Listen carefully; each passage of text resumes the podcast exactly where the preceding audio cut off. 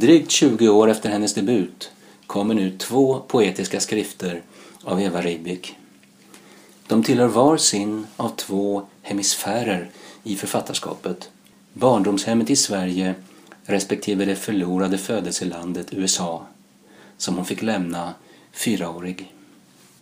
I Kvar, nummer 19 i förlaget Trombones eleganta småtrycksserie Svavel beträder jaget en bostad varifrån någon, kanske modern, verkar ha brutit upp för gott.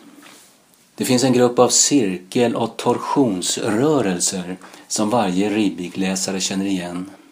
Från och med den smala trappan vrider sig upp genom husets innandöme i debutboken Med kinden mot det gula från 1997 till andra vridningar, omvändningar, viranden och cirklanden som eh, måsarna cirklar i cirklar i cirklar i Vi vaknar från 2012. Redan på tröskeln till kvar låser jag dörren med en sådan vridrörelse och är inne i denna struktur som är en Missonabym-artad modell av den inrimsrika diktsviten själv, liksom av medvetandet. Inramad, bilden av mig, i den röda stickade tröjan. Jag ser in i mina ögon innan jag går ut ur ditt rum. Vridningen som i Kvar återkommer i form av en klocka som vrids upp och en telefon med rund nummerskiva med mera minns man också från den beräknat sentimentala pappaboken med slagertiteln Du är den ende mitt hjärta har velat från 2000.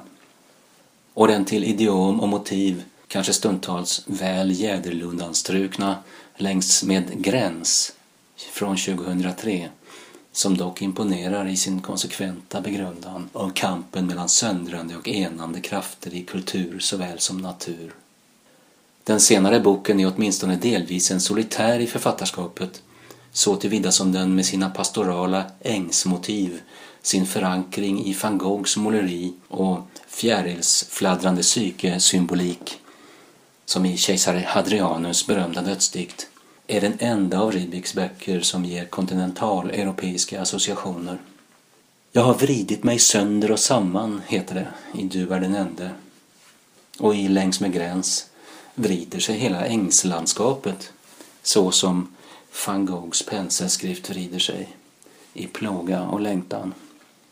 I den andra av årets nyheter ur Ribiks penna, den drygt 60-sidiga samlingen Om ingenting annat innan, Picod Press, möter vi också den cirkulära rörelsen, men nu gestaltat som ett eh, kring sin stång virat stjärnbaner och en kring halsen rutinmässigt virad halsduk. Om vrid eller kretsrörelsen tidigare varit förknippad med längtan tycks den nu istället handla om tvång och leda och plåga. Ovälkomna minnen ansätter jaget under ett juletida besök i USA och det verkar rent allmänt vara sent på jorden i denna kylslaget vindpinade bok. Läser man om ingenting annat innan mot tidigare samlingar framgår tydligt inte bara att rummets gestalt betyder mycket hos Ribic utan också på vilket sätt. Båda de nya böckerna kan till stora delar upplevas som kameraåkningar med in och utzoomningar genom rum där jaget tycks leta efter sig själv och samtidigt söker skydd mot sig själv. Men även om de ordknappa och noga balanserade dikterna gärna framkallar rum handlar det nu som förr sällan om relationen mellan kropp och arkitektur i allmän mening. Inte heller är det verbala helt i tjänst hos någon rumsfiktion. I de tre böcker som är tydligast förankrade i barndomen, med Kinden mot det gula, Ljuset kommer in underifrån från 2007 och Vi vaknar, utvecklas istället ett konstförfaret lyssnande och kännande skrivsätt där lyhördheten för den egna artikulationen samspelar med det sinnliga närstudiet av taktila förnimmelser, proportioner, riktningar, ytstrukturer och ljusförhållanden i ett rum som trotsar överblicken. Rummet hos Rybik visar in jaget i en förtrogen, älskad och saknad formvärld. Men rummet proportionerar också det stora andras skepnad. Detta som kunde kallas rymden i rummet. Det obegränsade i det begränsade. En art av närvarande frånvaro som vi varken kan bemäktiga oss eller undfly och som jag återkommer till. När hon undersöker sådana sinnliga och mentala regioner erbjuder Ribik ofta exempel på vad den tyske filosofen Martin Seel i en karaktäristik av den estetiska verksamheten har kallat aktiv passivitet. I en essä om icke-vetandets betydelse i konstupplevelsen talar han om citat en i verkets konfigurationer alltigenom bestämd obestämdhet, vilken åstadkommer en objektivering av den vanligen förborgade förbindelsen mellan det artikulerade och det oartikulerade. Slut på citat. En dikt i Med kinden mot det gula lyder De nätter jag vaknade och månen slog in över körsbärsparketten. De nätterna blev jag kvar i mitt rum med fönster ut mot järngrindens bringa. För månens tydliga kägla har alltid skrämt mig. Här är månen både tydlig och dubbel. Själva ljuset benämns inte. Det slår genom ordet månen in så starkt att det inte behövs. Förbindelsen mellan månen och dess sken objektiveras och fördubblas sedan av ordet kägla som ju kan betyda både ljuskon och pjäs i spel med klot. Och vad är väl månen om inte en klotformig spegel åt den frånvarande solen? När man läser Ribik börjar tankarna att gång efter annan återvända till ord som ro, omsorg och ömtålighet. Så som i den citerade dikten ovan får inte sällan en upprepad fras vidareföra, kontextualisera och precisera information från föregående mening. Dessa retoriska parallellismer skapar ro och en känsla av omsorg som i sin tur implicerar att det skildrade liksom själva artikulerandet av det är något ömtåligt. I sin tur kan detta sägas innebära att poeten ovanligt tydligt vill gestalta läsarens läsakt som en akt av varsamhet. Så bygger sig dikten sin egen stadga inifrån det ostadiga. Ett annat exempel på detta slags aktivt passiva samarbete med läsaren i syfte att gestalta relationen mellan det man vet och det man inte vet finns i Ljuset kommer in underifrån. Där jaget står och räknar vid en kurragömmalek med ansiktet mot ett träd. Jag öppnar ögonen och ser in mot stammen. Det är ingen som vet att jag tittar. Ingen som ser när jag håller händerna för. Jag tänker på vilka ställen som finns och vem som ska gömma sig var. Jag undrar om någon hör hur jag räknar. Jag undrar om någon från sitt gömställe ser mig. Jag har kommit till hundra. Det är tyst. De är gömda. Nu vänder jag mig om. Så nära det räknande jaget har läsaren nu kommit att man upplever att det är den som räknar som med sitt räknande har gömt undan de andra. Den passiva väntan var en aktivitet. Samtidigt betonas i denna scen något som är centralt i den större av de båda nya böckerna, nämligen det väsentligas frånvaro. Detta är ett i författarskapet ständigt närvarande ämne som fördelas på bildspråkliga, syntaktiska och narrativa nivåer. I Om ingenting annat innan utvecklas denna det väsentligas frånvaro i två bemärkelser. Dels som en brist hos sociala och samhälleliga relationer. Dels som det subjektivt väsensegnas innehåll av uteblivenhet och vakans. Boken rymmer elva sviter som tillsammans skildrar ett besök i Chicago. Det är, som sagt, jul och verkar ha varit hårt väder eftersom flaggan sitter virad kring stången och kylan norrifrån benämns. Men den verkliga kylan finns i samhället. Tiggarens mugg är tom och den sirentjutande ambulansens ljus vitt, vitt, rött, vitt, rött signalerar att någonting fattas i samhället. Samtidigt pågår jagets rumsliga teater där allt i hissen också sägs finnas i spegeln medan den granskande spotlighten i det trånga, genom byggnaden halade hissrummets tak sticker i ögonen. Något som föranleder varningen Don't! En fras där den som vill kan se USAs nuvarande president i stark komprimering. Intresset för världens storlek och de andras gåtfulla tillvaro kommer till uttryck i en pregnant dikt med karaktär av stilstudie.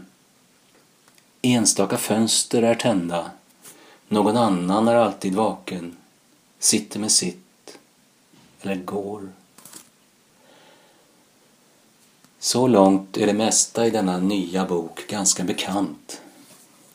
Men så kommer en plågsam svit försedd med epigrafen Minnet kommer plötsligt.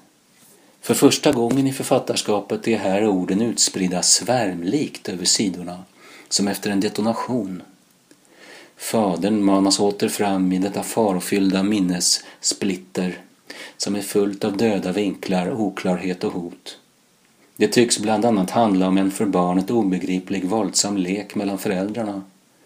Eller något annat skrämmande. Den skingrade satsbilden signalerar att vi här har att göra med ett trauma, det vill säga något man varken kan riktigt minnas eller glömma. Rent allmänt är Ribik bättre på att främmandegöra det bekanta än att bekantgöra det främmande. Det vatten så långt jag kan se och längre heter en diktsamling från år 2010 där en grupp soldater i vad som kan vara Vietnam kämpar sig fram mot havet och väntan på båten tillbaka. Det är en delvis betvingande bok som dock har något av pliktskrift över sig, en ambition att ta sig an ett ämne som kanske för att helt övertyga hade fordrat ett större metodiskt risktagande.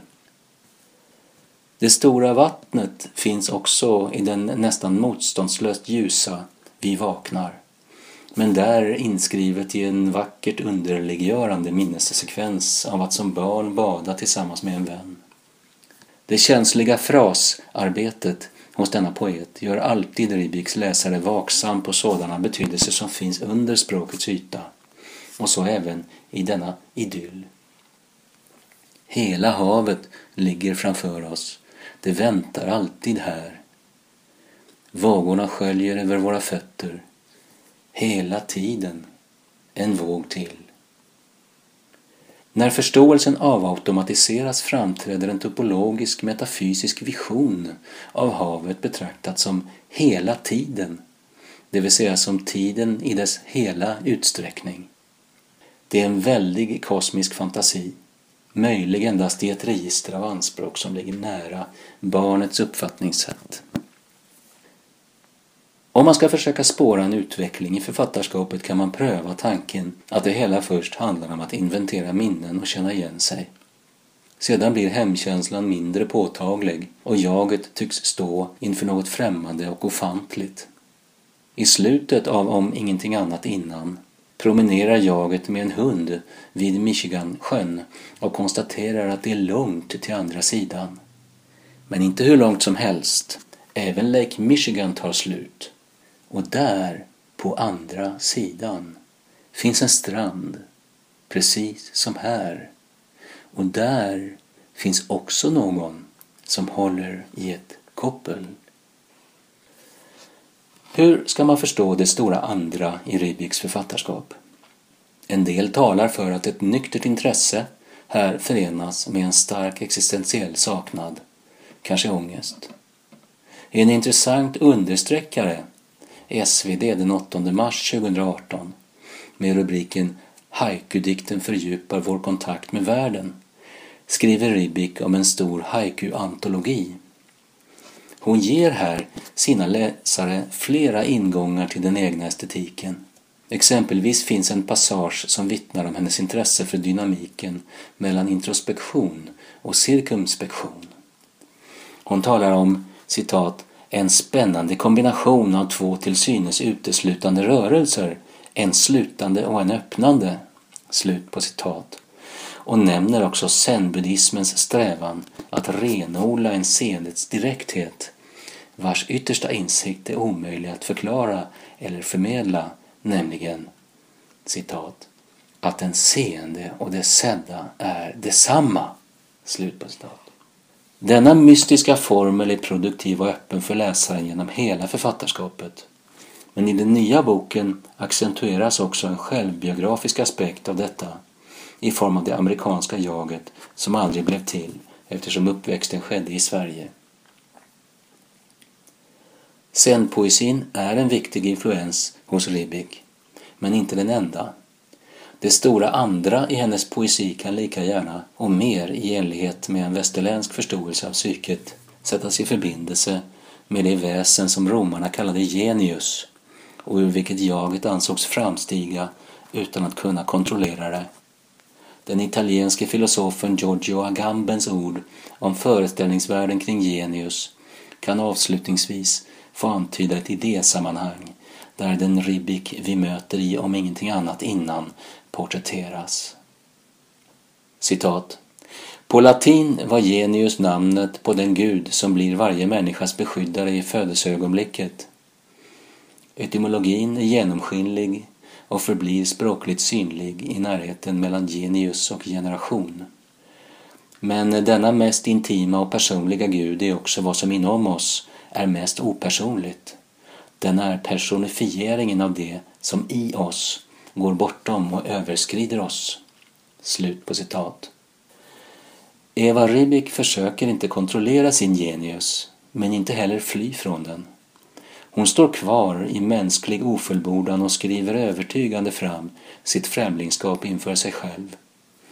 Detta främlingskap vänder sig inte bort från läsarna utan till dem, likt det vid trädet räknande barnet som kommer att hitta oss alla.